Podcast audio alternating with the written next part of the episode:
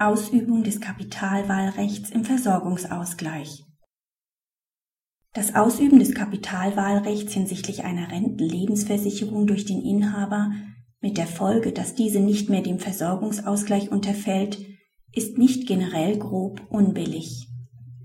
Die Eheleute heirateten 1988 und wurden 2008 geschieden.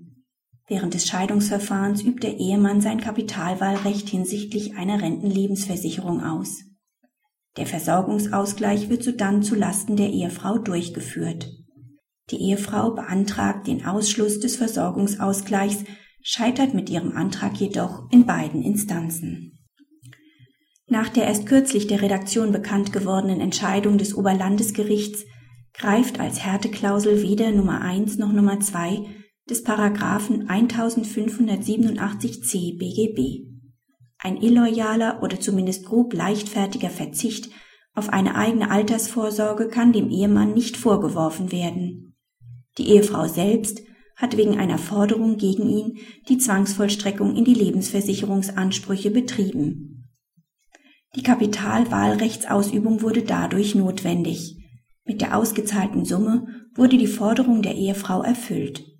Der Ehemann verfügte während der Ehe auch nicht über die Mittel für eine weitergehende Altersvorsorge.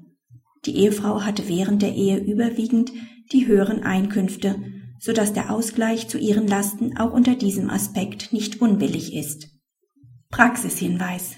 Nach der Rechtsprechung des BGH ist zu unterscheiden zwischen Anrechten aus einer Kapitallebensversicherung mit Rentenwahlrecht und einer Rentenversicherung mit Kapitalwahlrecht.